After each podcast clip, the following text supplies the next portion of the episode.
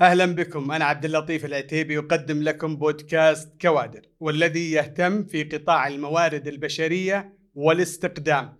في هذه الحلقة سنناقش مستقبل الموارد البشرية في الذكاء الاصطناعي.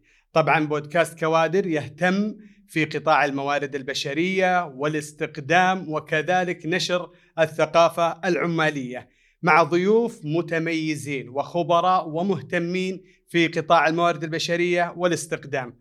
كما ذكرت اليوم حلقتنا عن مستقبل الموارد البشرية في الذكاء الاصطناعي مع ضيفنا الأستاذ أحمد عقيل المستشار التطوير الاستراتيجي والقيادي. بداية حياك الله أبو محمد. الله يسعدكم أبو طلال وأول شيء أشكركم على الاستضافة ومساء لخير لجمهورنا العزيز. ومساء النور لك وشكرا لك على حضورك واستجابتك للدعوة. أبو محمد طبعا موضوع الموارد أو موضوع الذكاء الاصطناعي موضوع كبير وداخل في جميع المجالات سواء مجال الموارد أو غيره لكن في هذه الحلقة وفي هذا البودكاست إحنا راح نسلط الضوء مستقبل الموارد البشرية في الذكاء الاصطناعي إيش ممكن يسوي الذكاء الاصطناعي في مستقبل الموارد البشرية؟ آه والله سؤال بحثي جميل أبو طلال. آه okay. طيب إذا حللنا في البداية عشان نضع زي ما يقولوا المساحة يعني أنا مورد بشري وأنت مورد بشري سيداتي العزيزات وسادتي الأعزاء كلهم موارد بشرية. mix دائما من المواهب من المهارات من المعلومات الخبرات. هذه موارد بشرية هذه الفئة يعني كلنا مورد بشري حقيقة طيب وفي الفئة الأخرى اللي هم قيادات الموارد البشرية في المنظمات وفي الجهات اللي يدعموا ويخرجوا القيمة الإنسانية وقيمة الإنسان وهي المورد البشري. هذول طبعا فهنا اليوم الفئتين موجودة مع بعض. التناغم راح يكون فيها. طيب إيش الفترة القادمة؟ طبعا كل شيء بيد الله يعني هذه الأمور سبحان الله توقع بس من ضمن الاجتهادات إنه طبعا راح يكون التركيز على النواحي الاستراتيجية والابتكارية في المقام الأول. التشغيل راح ياخذ تعريف مختلف ليس كما نحن اليوم تماما راح يختلف. يعني في موضوع الأتمتة راح يكون بشكل عالي بحيث إنه الشخص مثلا يقول اللي كان يشتغل على كتابة الأوراق وال paper work والأشياء التفصيلية هذه ما راح يدخلوا فيها تماما راح تنتهي. وطبعا مستويات مختلفة لكن التشغيل راح يكون أتمتة بشكل عالي إنه يعني سيضع كل المواضيع التشغيلية بشكل أقل بحيث إنه القدرات اللي تستهدف المواضيع التشغيلية راح غالبا ما تحتاجها. للناس الذكاء الاصطناعي راح يقوم بهذه المهام. فإيش اللي يبقى؟ اللي يبقى موضوع الفكر الابتكاري طريقة القيادة المواضيع الاستراتيجية هذه اللي راح يكون عليها القيمة الأقوى في المستقبل. وإذا ما طورناها واستثمرنا فيها من الآن يعني في لحظتنا هذه اللي إحنا جالسين فيها اليوم في هذه اللحظة فعلا يكون في نقاشات عليها ما راح يكون في يعني القيمة التنافسية والاستراتيجية للمنشآت ما راح تنافس بالشكل المطلوب إحنا نتوقعه. فلا بد التركيز على موضوع الاستراتيجية في ال HR وموضوع الابتكار هذه تقريبا الأشياء اللي قاعدين نشتغل عليها إن شاء الله بمستقبل الذكاء الاصطناعي. جميل، طيب ما إنك ذكرت أبو محمد عن الابتكار طيب وش أثر الذكاء الاصطناعي على الشركات اللي تعمل في مجال التطوير، البحث، الابتكار؟ مم. يا سلام، أوكي. طبعا لها يعني واضح. طبعا مبدئيا الناس لما نتكلم عن الذكاء الاصطناعي تقريبا بدأ موضوع الوعي حتى دوليا. إنه راح طبعا يسوي قفزات في هذا الموضوع جميل. كثير. بس إذا دخلنا بتفاصيل أكثر يعني مثال اليوم في آه آه اللي هي ال USA اللي هي طبعا وجهة شو اسمها Shield AI Lockheed Martin بعض الشركات في الدفاع قطاع الدفاع والأمن. بيشتغلوا اليوم بيسووا معارض دولية الشخص يزورهم قيادات العسكرية قاعدة تزورهم وتشوف إيش الابتكارات اللي بيقدمها الذكاء الاصطناعي والحلول وحتى إنه يعني من بعض الجهات يقول لك إحنا نفصل لك الحلول اللي تحتاجها على حسب أهدافك العسكرية وإلى آخره. طبعا قس على ذلك في الصحة، في التعليم، في أغلبية القطاعات الأخرى في الزراعة وغيرها، فشغالين في هذا الموضوع. فطبعا الذكاء الاصطناعي وقد اسميه الذكاء الغير انساني له منطق وله طريقة راح يعطي حلول بطريقة مختلفة عن الذكاء الإنساني اليوم. آه. فاليوم إحنا نحتاج هذا ونحتاج هذا الاثنين مع بعض. كيف نحتاج هذا؟ الذكاء ال- الإنساني كما تفضلت والذكاء الاصطناعي كيف ممكن نوافق بينهم؟ يا سلام يا سلام. شايف طبعا لو شفنا هذا التلفزيون اليوم نعم. تلفزيون. صحيح. التلفزيون هو نوع من الذكاء. بياخذ إشارات كهربائية معينة وتقعد تشوفه وكذا. هل هو بديل للإنسان؟ هل الإنسان لابد يصير تلفزيون عشان يقوم بمهامه؟ لا طبعا التلفزيون هو في خدمة الإنسان بالبرامج اللي فيه. نفس الشيء الذكاء الاصطناعي اللي موجود راح يقوم بتسهيل بعض الأمور في البحوث في التطوير بشكل سريع جدا. لكن هو ليس بديل للإنسان. الإنسان سبحان الله من غير الذكاء الاصطناعي الإنسان ما يحتاج كم كبير من المعلومات. يعني هذه دخلنا ناحية بس تقنية بسيطة عشان نوضح الفكرة أبو طلال. الذكاء الاصطناعي ما يشتغل إلا بحجم كبير جدا من المعلومات. آه لحظة. الآن يعني ما ما راح ما راح يشتغل الذكاء الاصطناعي إلا بحجم كبير؟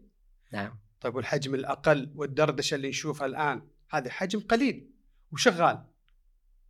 يا سلام. هي تصير في حجم يمشي الأمور بس عشان تطلع ثورة الذكاء الاصطناعي ما توقف على اللي عندك اليوم. آه. يعني اليوم في مثلا المملكة العربية السعودية بسدايا أنتجوا روبوت يعني موجود. آه والظاهر إذا أتذكر الاسم إنه اسمها هند. مم. تتكلم معاك وكذا. يا سلام. السنة القادمة راح تكون في يعني تحديث لهذا الموضوع. السنة اللي بعدها واللي بعدها راح يكون التحديث مختلف تماما. فكل ما زودت في موضوع زيادة المعلومات وكيف تربيطها وكيف تكون كل ما يكون هذه ثوره الذكاء الاصطناعي تطبيقات أعلى. يعني مثال نقول اليوم في آه، في قطاع الدفاع قاعدين يدرسوا البيئة آه، يعني دراسة علم اسمه البايوميميكري. بمعنى إنك تشوف مثلا زي السيارة اليوم لما تقول والله هذه السيارة كيف صارت انسيابية؟ درسوا السمكة ودرسوا يعني طريقتها كيف تعوم في المويه فخلوها انسيابية. نفس الشيء الطيارة خلوها انسيابية. يدرسوا الطبيعة ويطبقوها على الآلات والصناعة.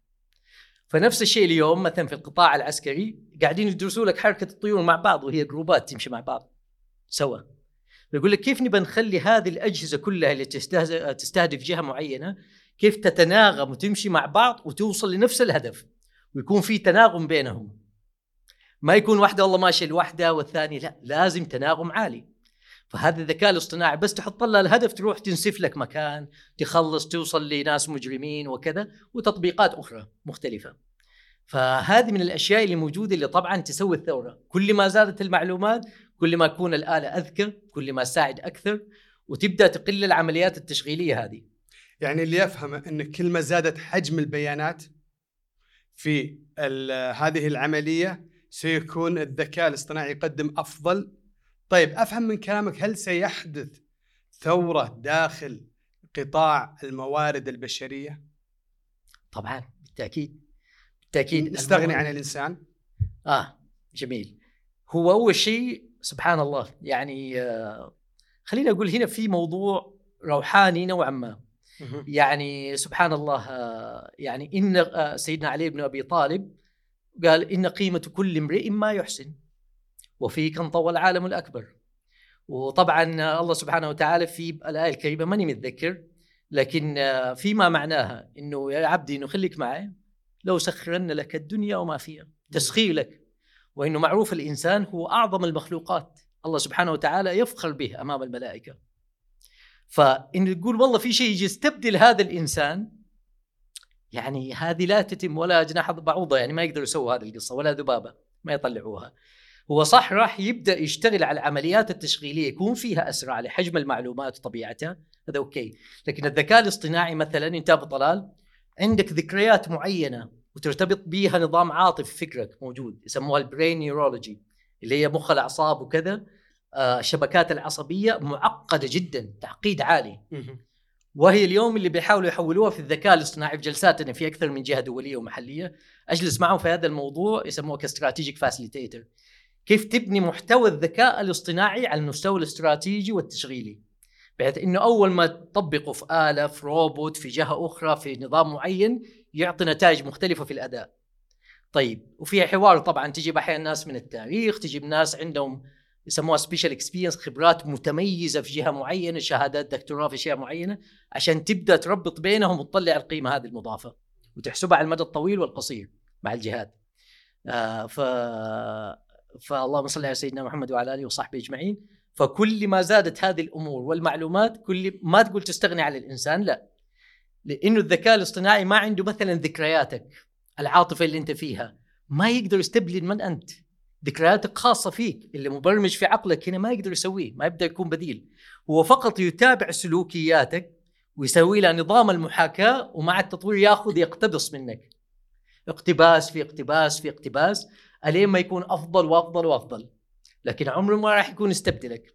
طيب هذه طبعا إذا تسمح لي أبو طلال إيه، تفضل. آه إيه الآن إنه هذه قد تكون سبحان الله نصيحة للتوجه القادم. طبعا هذه من جهة الأهالي من جهة القطاع التعليمي من الجهات المختلفة والأفراد بالذات. إن اليوم يبدأ الشخص يعني يشتغل على موضوع الإتقان والتميز في موضوع ما. الفترة القادمة المواضيع التشغيلية راح تسير وتأخذها من جهة إلى أخرى يعني بسيطة. لكن كل ما الشخص كان متميز في الشيء اللي قاعد يسويه كل ما يكون له قيمة أفضل مو بسهولة نقل المعلومات راح يكون ينظر له العالم كخبير. فلا بد إنه يشد حيله يعني مثال لو نقول ناس والله عندهم خبرة في الجبال كيف والله يسوي طقوس معينة وتطلع نباتات معينة تثمرها بطريقة معينة.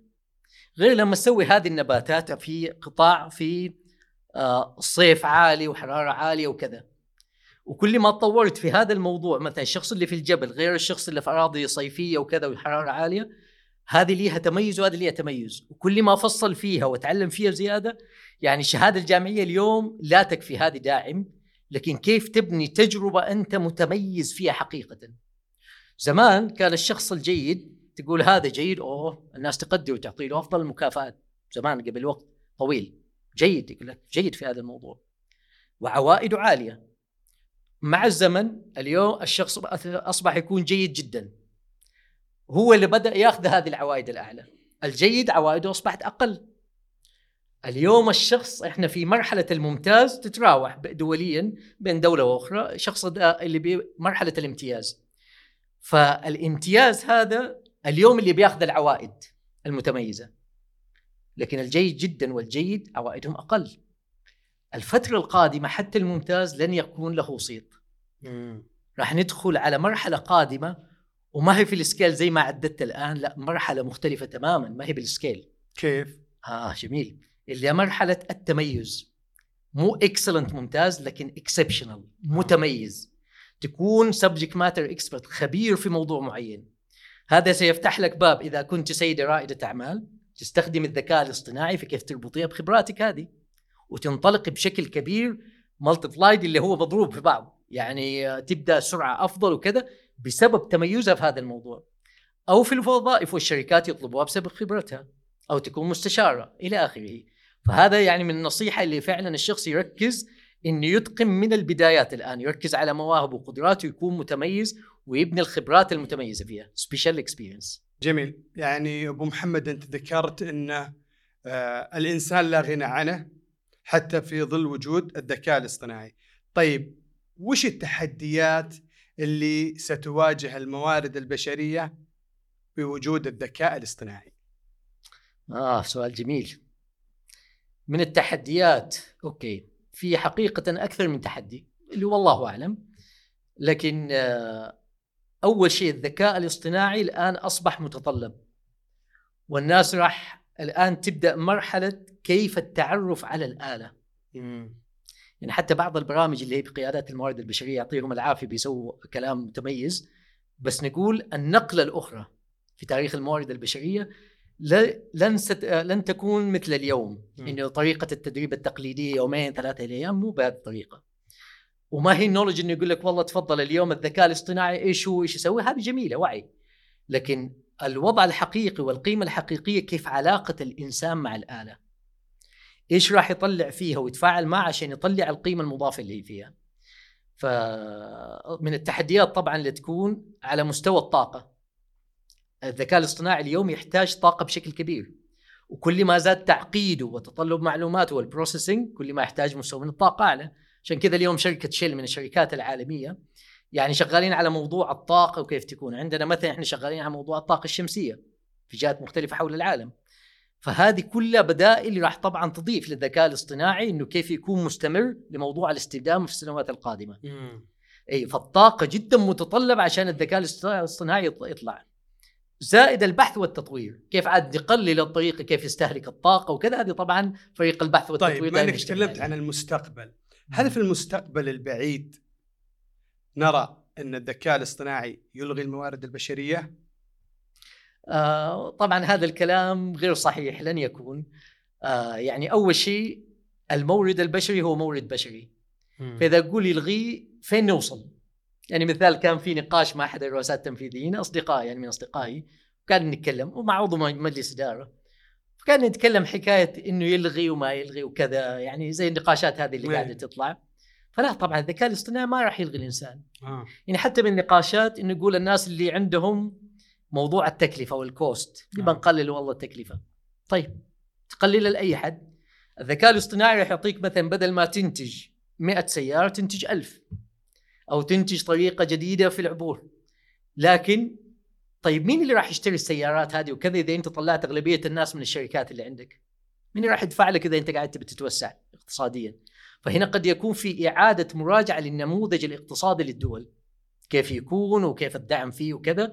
إيش الوضع القادم للإنسان؟ كيف وضعه؟ فإنه يستبدل زي ما تفضلنا قلنا إنه نستبدل المواضيع التشغيلية. إذا الإنسان استمر عليها اليوم وطبعا ما راح يستمر عليها راح طبعا قيمته ما تكون متطلبة. لكن لابد يستثمر اليوم في ذكاء وطريقته ومواهبه عشان يبدأ يوسع الدائرة ويكون في النواحي الاستراتيجية والابتكارية والإبداعية.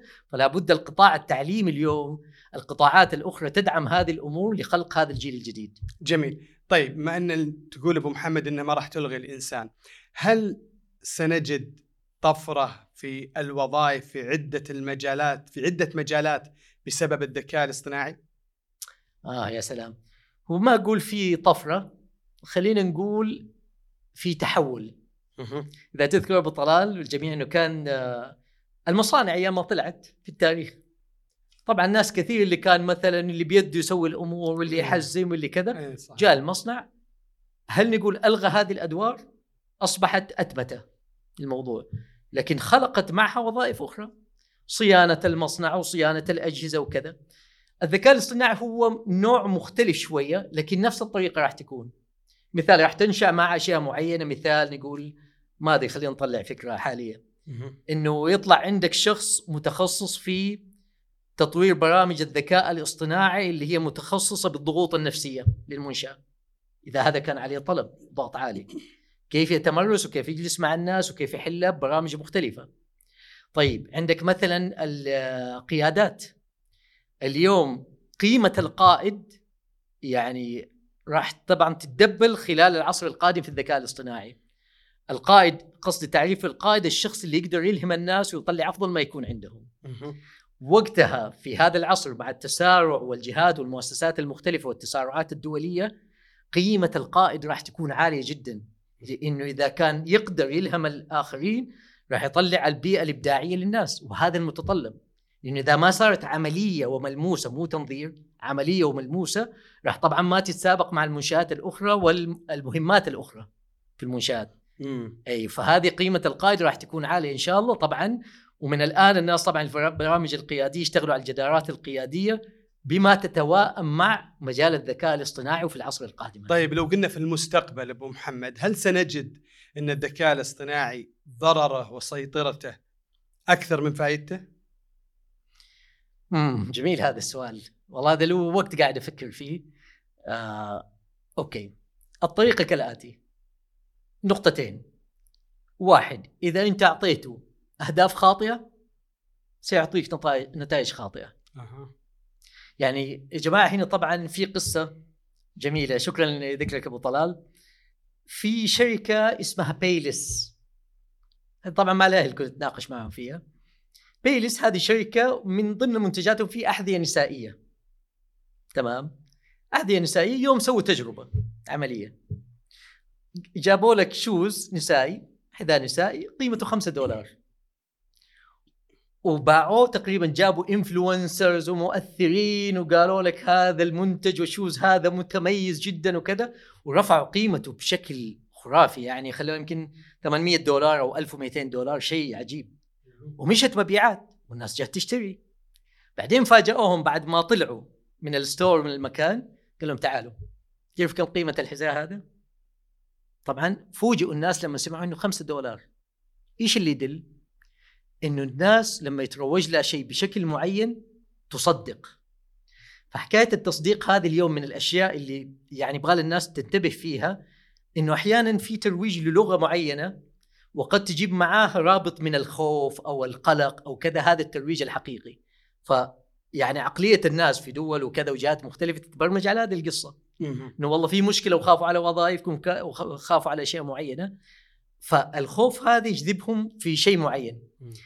لكن هي القصة لما تيجي تشوف الخوف هذا ما له داعي ما راح يكون والله في مشكلة كبيرة. آه يعني ما تحتاج إنك تشوف هذه الأمور. قيمتك موجودة بس اشتغل على نفسك فيها. وكيف تستخدم الفكر أو العقلية هنا؟ كيف أستخدم الذكاء الاصطناعي لاني أوصل لأهدافي؟ مو الفرق اني أقول والله راح يغطي علي وياخذ من أهدافي وكذا لا. هنا الانسان يستثمر في نفسه. جميل. أي. طيب أبو محمد سؤال أخير وباختصار. كيف يؤثر الذكاء الاصطناعي علينا اليوم؟ آه. والله اليوم إحنا في مرحلة تحول. حتى اعضاء مجلس الإدارة والرئاسات التنفيذية في الشركات اليوم لسه حتى الآن ما وصلوا موضوع وضع الحوكمة في هذا الموضوع. لأنها مرحلة انتقالية تعلم.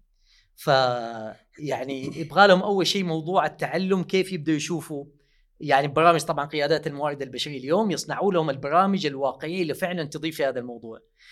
واقعيا اليوم زي ما قلنا نسميها market test اختبار. عالم قاعدة تطلق لك منتجات، عالم قاعدة تتسارع في منتجات AI وذكاء اصطناعي، هذا كله اختبار. تمام؟ راح تطلع أشياء في التعلم آه مخاطرة ما في خطر كبير اليوم لكن فين الخطر الكبير؟ في إيلون ماسك قال جملة معروف إيلون ماسك قال يوم يا جماعة سووا شيء يسموه kill switch يوم وصلت برمجة الذكاء الاصطناعي بطريقة خاطئة أو وقع في الأيادي الخاطئة ممكن تستغل بطريقة خطأ. فالمشكلة اليوم هي مو الذكاء الاصطناعي كلغة هو الموضوع هو الذكاء الإنساني.